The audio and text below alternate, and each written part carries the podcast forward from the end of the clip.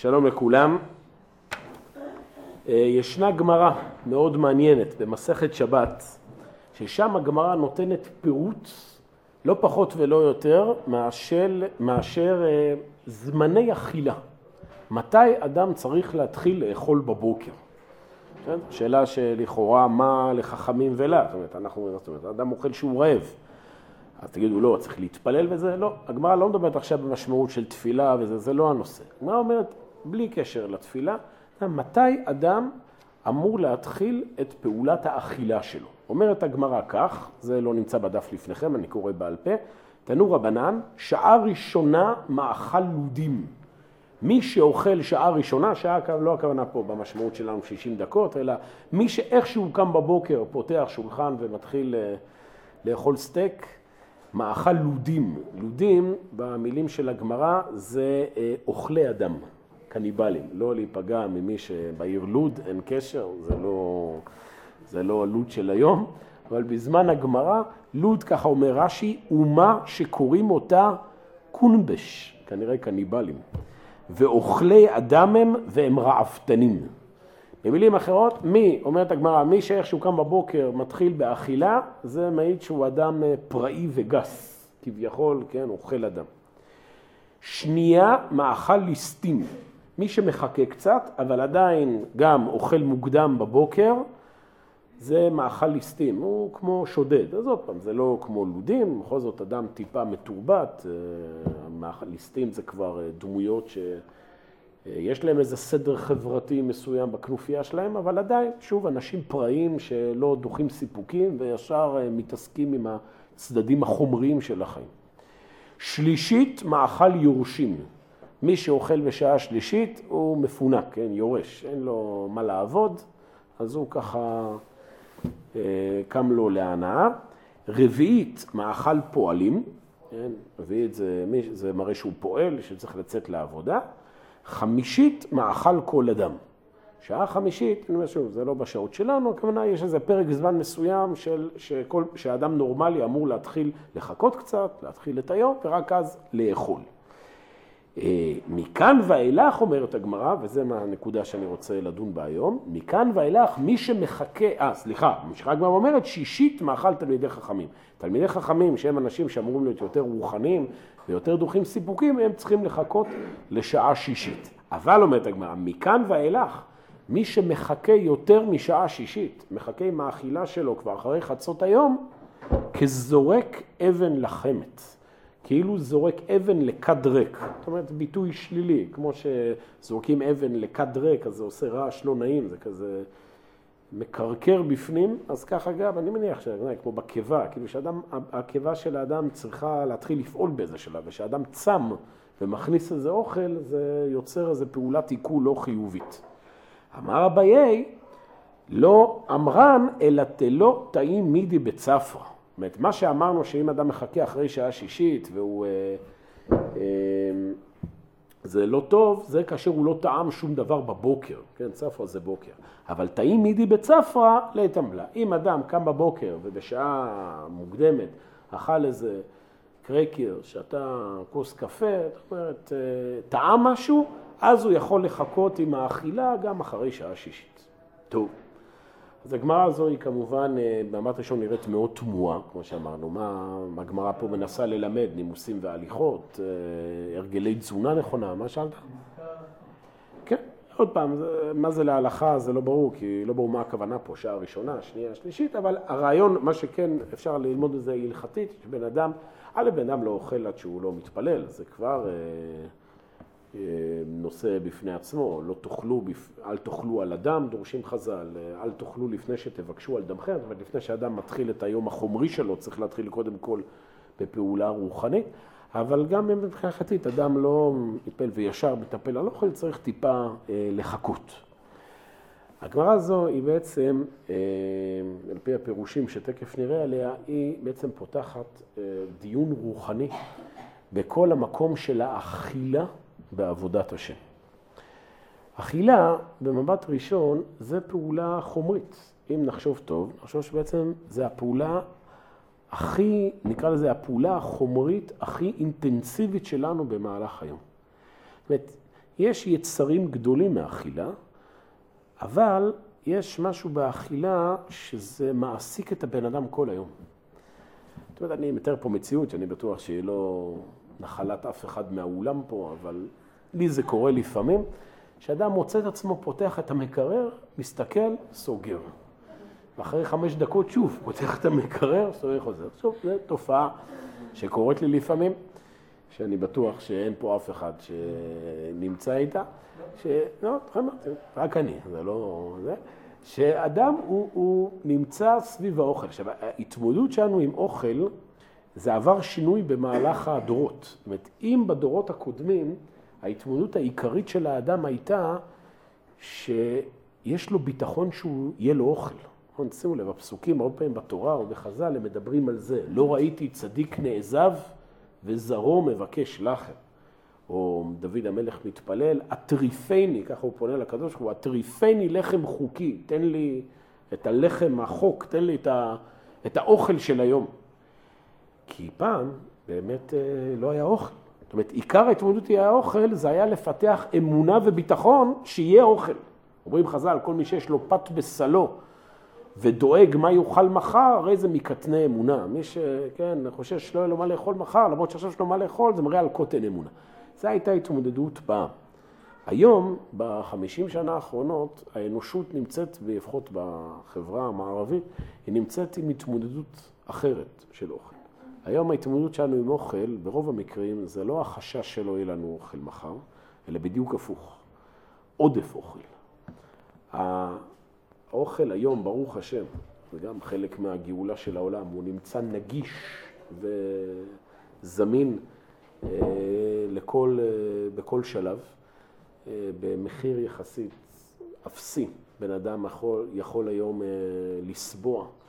כן, תחשבו זה פעם מה שאנשים היו אוכלים ארוחה של פעם בחיים, או פעם בשבוע, בחגים, בשבתות, היום אצלנו זה ארוחה, ארוחה בסיסית של כל יום. וממילא עיקר ההתמודדות היום של האדם עם אוכל זה הצד של התאוותנות שבאוכל. זה שהאדם הוא מוצא את עצמו סובב סביב האכילה, והאכילה אה, משקיעה אותו מבחינה חומרית. וכאן, אומר, בנושא הזה של התמודדות עם אוכל, אנחנו באמת רואים שהגמרא אומרת שיש עניין שהאדם צריך לדחות קצת את האכילה שלו. זאת אומרת, אדם שמפתח אישיות תאוותנית, רעבתנית, בסדר? שאיך שהוא קם בבוקר, ישר זה הדבר הראשון שעולה לו בראש, זה לא מציאות חיובית. אומרת, אדם לא אמור לסובב אה, סביב חייו אה, מסביב לאוכל. אבל, וזה הדבר שמעניין, אנחנו רואים שהגמרא אבל גם אומרת, יש גם לכיוון האחר.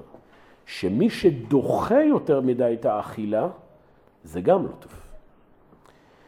יש על הגמרא הזו פירוש אה, של הרב קוק בספר אין היה, שהוא כותב, כן, בפסקה י"ב, הוא כותב שם את המשפט הבא: הכוחות הטבעיים מכוונים המה הרבה לעומת תכליתם המוסרית. כל כוח שהקדוש ברוך הוא נתן באדם, יש לו תכלית מוסרית, יש לו גם מטרה שהוא אמור לבנות משהו במוסר הרוחני של האדם. על כן, באשר להעמית תכונת החומר מפני הרוח יותר מגבולו לא נכון הוא, על כן הוא שם מהחוכמה האלוהית עונש טבעי כי העובר יותר מהגבול ומתאחר מלשלם לחומר את חוקו הראוי לו, וכולי וכולי, זה כבר נכנס הוא בגבול שנאת החיים. אני אסביר את הדבר. הגמרא אומרת, אדם באמת צריך לדחות את האכילה שלו, אמרנו, לא שעה ראשונה, לא שעה של, שעה חמישית, עמדי חמים, שעה שישית. אבל ברגע שבן אדם דוחה יותר את האכילה, זה גורם נזק גופני, כן? כזורק אבן לחמת. זה, זה יוצר איזה תפעול לא טוב של הכוח העיכול והעקבה. אומר הרב, ההתנגדות של הגוף להרעבת יתר, זה מעיד על איזשהו רעיון רוחני. כמו שהתנגדות הגוף להאבסת יתר, כן? כשאדם אוכל יותר מדי, אז הגוף, אה, כולנו יודעים את זה, הוא מגיב, אה, הוא דוחה את זה, אז זה בא ללמד שאדם אסור שיהיה תאוותן יותר מדי אחרי האוכל, אבל הצד השני גם מלמד שאדם גם אסור שישנא את האכילה. אדם צריך בגבול הנכון ובמילון המדויק לתת מקום גם לכוח האכילה בחייו. ישנו ספר של רבי צדוק הכהן מלובלין, נקרא פרי צדיק, אחד מגדולי החסידות, שהוא נותן שם כלל חשוב. אומר, כל פעם שרוצים לברר על איזשהו מושג בתורה, צריך לחפש איפה הוא מופיע בפעם הראשונה. איפה שהמושג מופיע בתורה פעם ראשונה, זה בניין אב לכל התורה כולה. מה הרעיון העקרוני של אותו מושג. כשאנחנו הולכים על כיוון החשיבה הזה, אנחנו מסתכלים, מתי פעם ראשונה בתורה אנחנו נפגשים עם מושג האכילה?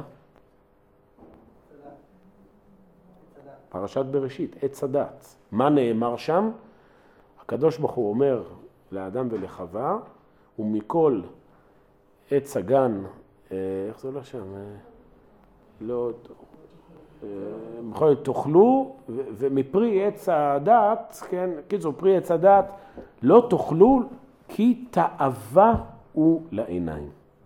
התורה, פעם ראשונה שהיא משתמשת במינוח אוכל, היא מכניסה את המושג תאווה.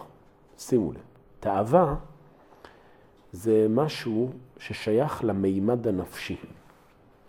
יש דברים בחיים שלנו שאנחנו צריכים אותם, אבל אנחנו לא מתאווים אליהם. למשל, אמ, הצורך להתנייד, לעבור מנקודה X לנקודה Y, זה צורך, זה לא תאווה. אני צריך לנסוע ולהגיע לאן שאני צריך להגיע. אין לי תאווה לנסיעה. אין לי, אני לא מרגיש תחושת הנאה מעצם הנסיעה, מעצם האחיזה בהגה.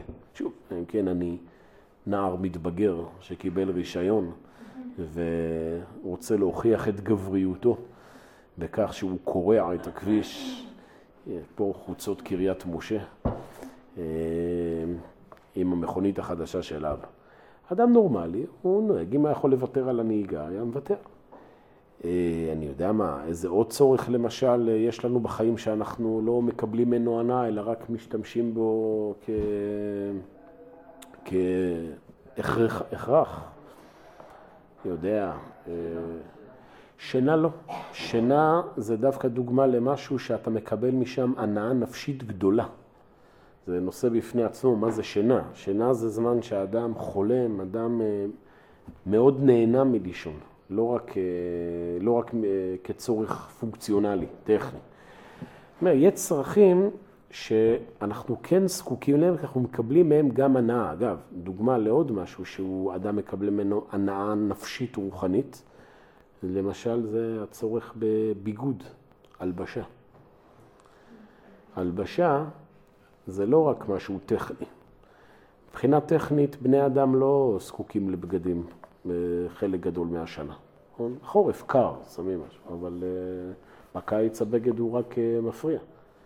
בגד הוא נותן לאדם גם איזושהי הגדרה עצמית, נכון? איזושהי uh, תחושה, חז"ל מכנים את הבגד מכבדותי, כן? המכבדים של האדם. האדם חשוב לו האסתטיקה, הוא מקבל מזה בעומק הדברים, כי יש פה רעיון רוחני. הבגד מכסה את הצדדים הגסים של האדם. יש פה מימד אנושי, בעלי חיים לא מתלבשים. בסדר, חוץ מהכלבים האלה עם הסוודרים בחורף החמודים. אבל בדרך כלל בעלי חיים לא מתלבשים, כי לצורך להתלבש, הצורך לכסות את הגוף ולעשות איזושהי פעולה מלאכותית שתגדיר אותי בצבע, בגזרה, בזה, זה משהו רוחני. על אותו משקל, זה הנושא של האוכל. האוכל זה לא רק פעולה טכנית.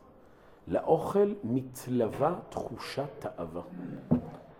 האוכל נותן לנו לא רק אה, למלא את הקיבה, האוכל נותן לנו גם תחושה של שובע. שובע זה שלווה נפשית. כשאדם אוכל, הוא מרגיש שמחה. אומרים חז"ל, אין שמחה אלא בבשר וביין. השמחה מופיעה שבן אדם הוא גם מאכיל את הגוף שלו. השאלה היא כמובן איך הוא עושה את זה, אבל קודם כל ברמה העקרונית. יש היום, אגב, מחקרים שהם מאוד פשוטים וברורים, שיש קשר ישיר בין יציבות נפשית של ילדים לבין ארוחות מסודרות בבית. ארוחות מסודרות, אוכל ביתי, זה משהו למשל שנותן לנו המון המון אה, שלווה נפשית. כשאנחנו נפגשים עם אוכל הורגלנו אליו אה, מילדותנו, אז אה, זה לא רק אה, אוכל, זה מחזיר את האדם לאיזושהי תחושה של ביטחון, תחושה של מקום מוכר, תחושה של חמימות, תחושה של יציבות. אין מה לזלזל בזה. ביהדות, אם תשימו לב, הכל סביב אוכל. הכל. כל החגים, כל השבתות, כל הזדמנות פותחים שולחן. חתונה, סיבה למסיבה. ברית, סיבה למסיבה. בר מצווה, אפילו שמישהו מת, פותחים שולחן. אזכרה, יאללה. פה זה כמובן אה, תלוי באיזו עדה, אבל... אה, הסברתי לכם פעם, שיש פסוק הרי ב... בספר שי, טוב ללכת לבית אבל מללכת לבית משתה. זה שדורשים שטוב ללכת לבית אבל אה, ספרדים, ללכת לבית משתה אשכנזי. זאת אומרת, יותר האוכל באזכרות ספרדיות הוא יותר מה בחתונות האשכנזיות, אבל זה כבר אה, נושא כאוב מצד עצמו. הרעיון הוא שבאמת אה, האוכל הוא נותן תחושה של שלווה נפשית, זה בעצם מה שאומרת פה הגמרא. אוכל הוא בעצם בונה באדם גם את המימד הרוחני. כאשר אדם הוא לא אוכל, כן, הוא צם יותר ממה שצריך, זה בעצם ביטוי לכך שהאדם הוא שונא את החיים. אוכל זה אמור להיות הצורך החומרי הכי טבעי והכי פשוט לאדם. ולכן אדם אמור לשמוח באכילה. האכילה בונה באדם מימד של טבעיות רוחנית. יש במקום אחר שהגמרא אומרת שדוד המלך דר בחמש עולמות ואמר שירה. זאת אומרת, היה בכמה מצבים בחייו ובכולם הוא מצא שירה. אחד המצבים שינק מדדי אמו ואמר שירה, כן? שהוא ינק בתור תינוק. מאימא שלו גם הוא מצא שם את הגדולה של הקדוש ברוך הוא. מסבירים המפרשים שבני האדם, בניגוד לבעלי חיים, אנחנו גם יונקים. אבל בני הקדוש ברוך הוא גלגל שבניגוד לבעלי חיים שהם יונקים מהאיברים התחתונים של הבהמה, כן, העגל יונק מהאיברים הנמוכים של הפרה, הקדוש ברוך הוא גלגל שהמפגש הראשוני של התינוק עם האוכל יהיה פנים אל פנים מול אימו. המפגש הראשוני של האדם עם הצורך החומרי הכי בסיסי של החיים, זה נעשה מתוך פנים. פנים זה ביטוי של מודעות והכרה. הכרה ב לא, האוכל זה לא רק צורך גופני נמוך שעושים אותו ככה אה, במינימום כמי שכפר או שד, לא. יש, ההנקה למשל זה משהו שהוא פשוט, שהנקה, הילד, התינוק לא מקבל רק את המינרלים בהנקה.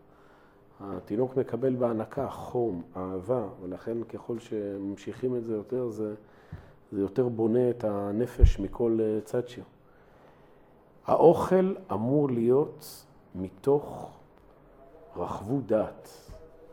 אסור לדחוק את הכוחות הטבעיים. אומר הרב קוק, על כן הוא שם מהחוכמה האלוהית עונש טבעי. מי שמתרחק יותר מדי מהאוכל, מפתח אישיות שמנוכרת לעולם הזה, כן, שהאוכל זה הדבר הכי, אה, הכי בסיסי.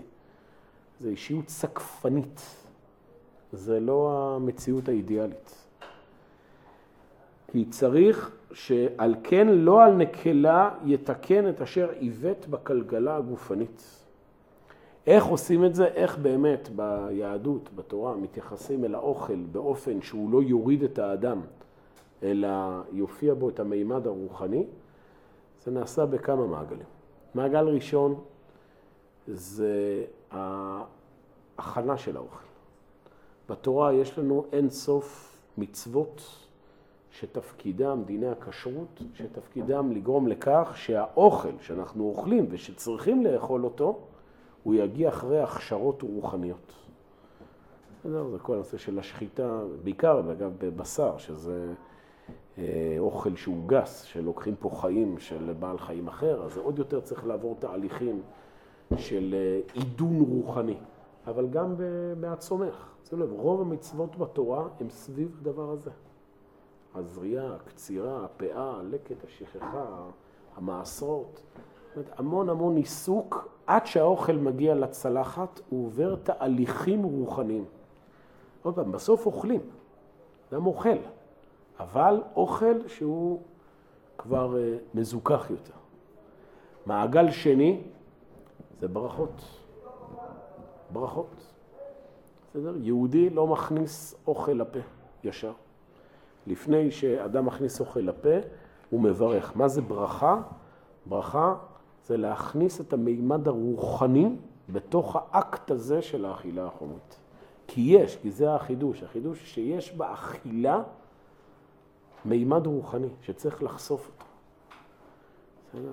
יש כמובן על פי תורת הסוד, שזה יותר מזה, שאדם אוכל, הוא בעצם מעלה ניצוצות, זאת אומרת, הוא לוקח יסודות נמוכים, שאני עכשיו אוכל אה, לחם, אז אני לוקח חיטה, שזה צומח, ועל ידי זה שזה מתעכל בגוף שלי, אז זה בעצם עובר תהליך שדרוג. החיטה הזו עכשיו הופכת להיות חלק מבין האדם, והאדם על ידי השכל הרוחני שלו הוא מתרומם, אז בעצם גם כל הצומח מתרומם יחד עם האדם.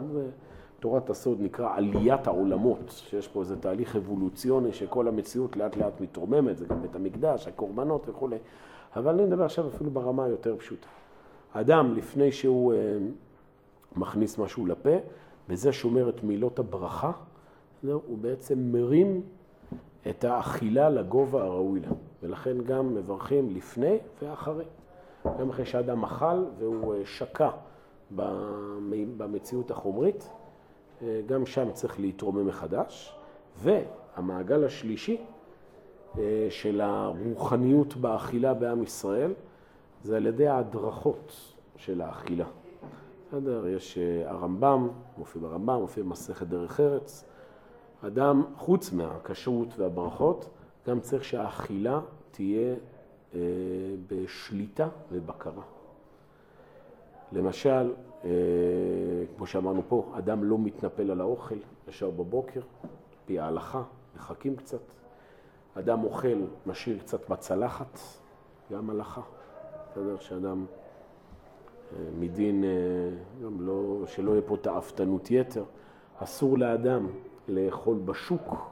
תלמידי חכמים אסור שיאכלו בשוק הזה, יש שם דיונים, שהיום זה לא השוק של פעם, פעם פשוט זה לא המקובל, היום מסעדות זה משהו אחר, אבל הרעיון הכללי הוא שהאכילה צריכה להיות מתוך אצילות.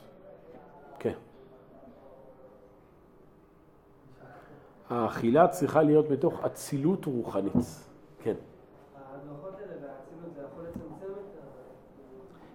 נכון, אמרנו, צריך, זה מה שאומרת הגמרא, צריך פה לא להתנפל על האוכל. אדם צריך שיהיה לו קצת בלמים בנושא האכילה. כי, בסדר, כי אז עוד פעם, אם אתה לא שומר על האיזון, אז הכוחות חיים האלה מורידים אותך אל התאוותנות ואל הבהמיות. זה אמרנו בעיה, אז ברור שזה הבעיה. אבל צריך להיזהר גם ללכת לקצה השני. שבן אדם, זה הדבר הזה, האוכל הוא בניין אב לכל עבודת השם. איזון. כוחות טבעיים, צריך לתת להם את המקום. אוכל זה משהו טבעי, אדם זה חלק מהדרכים שהקדוש ברוך הוא ברא את העולם שבן האדם יוכל לחיות, ואז ממילא יש לזה מקום. זה שבן אדם עכשיו אוכל ככה בצורה אה, אה, מהירה, אה, כזה, מה שנקרא fast food, זה אגב חלק מה, מהתרבות היום. היום התרבות היום, כמה שהיא נראית מאוד תאוותנית, אבל יש בה גם משהו שהוא חסר איזון בבסיסו. אז אחד הדברים, זה בא לידי ביטוי, זה האכילה לא מסודרת. אכילה לא מסודרת. ההליכה הזו בריצה, זה קשור, זה משפיע על האדם. אדם, יש לו את הארוחות מסודרות, כמו שאומרים, הסעודות שבת זה חלק מהותי מהבנייה של המשפחה, החגים וזה. כל הדברים הללו, זה בא לתת את האכילה, אבל שלא תשקיע אותך בתאווה, אלא בדיוק הפוך. תרומם את האדם.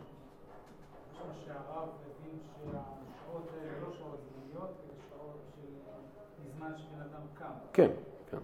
זה עכשיו גמרא, אני חושב. כן, אני אומר, השאלה היא פה מה... אה, לא עוד פעם, אני לא בקיא להלכה, איך בדיוק אה, אנחנו בסוף נכריע כיום. מה שהרב אמר, משמע שזה, כן, זה שעות אה, לא, משעת הקימה. כן. כן, כל אחד לפי הקימה שלו צריך לתת פה איזשהו... טוב, אז אם רק נסכם את הדברים, אומר, הרעיון של הגמרא הזו, שהנושא של האכילה אה, כשלעצמו זה דבר חיובי, זה דבר שבונה את הנפש, הוא מתלווה לקדושה, הוא קשור לקדושה, הוא מתחבר לקדושה, אבל הוא צריך לבוא מתוך סייגים מצד אחד, ומצד שני מחוסר התנזרות מצד שני. אז אה, גם ההליכה לקיצוניות בתחום של האכילה היא לא טובה. לא לצד הזה ולא לצד הזה. לא לשקוע בתאוות, מצד שני גם לא לפתח אנורקסיה. בסדר, אה, לפתח הרעבת יתר, חוץ מזה שזה לא בריא, זה גם לא יהודי. בסדר, זה לא... נעצור כאן.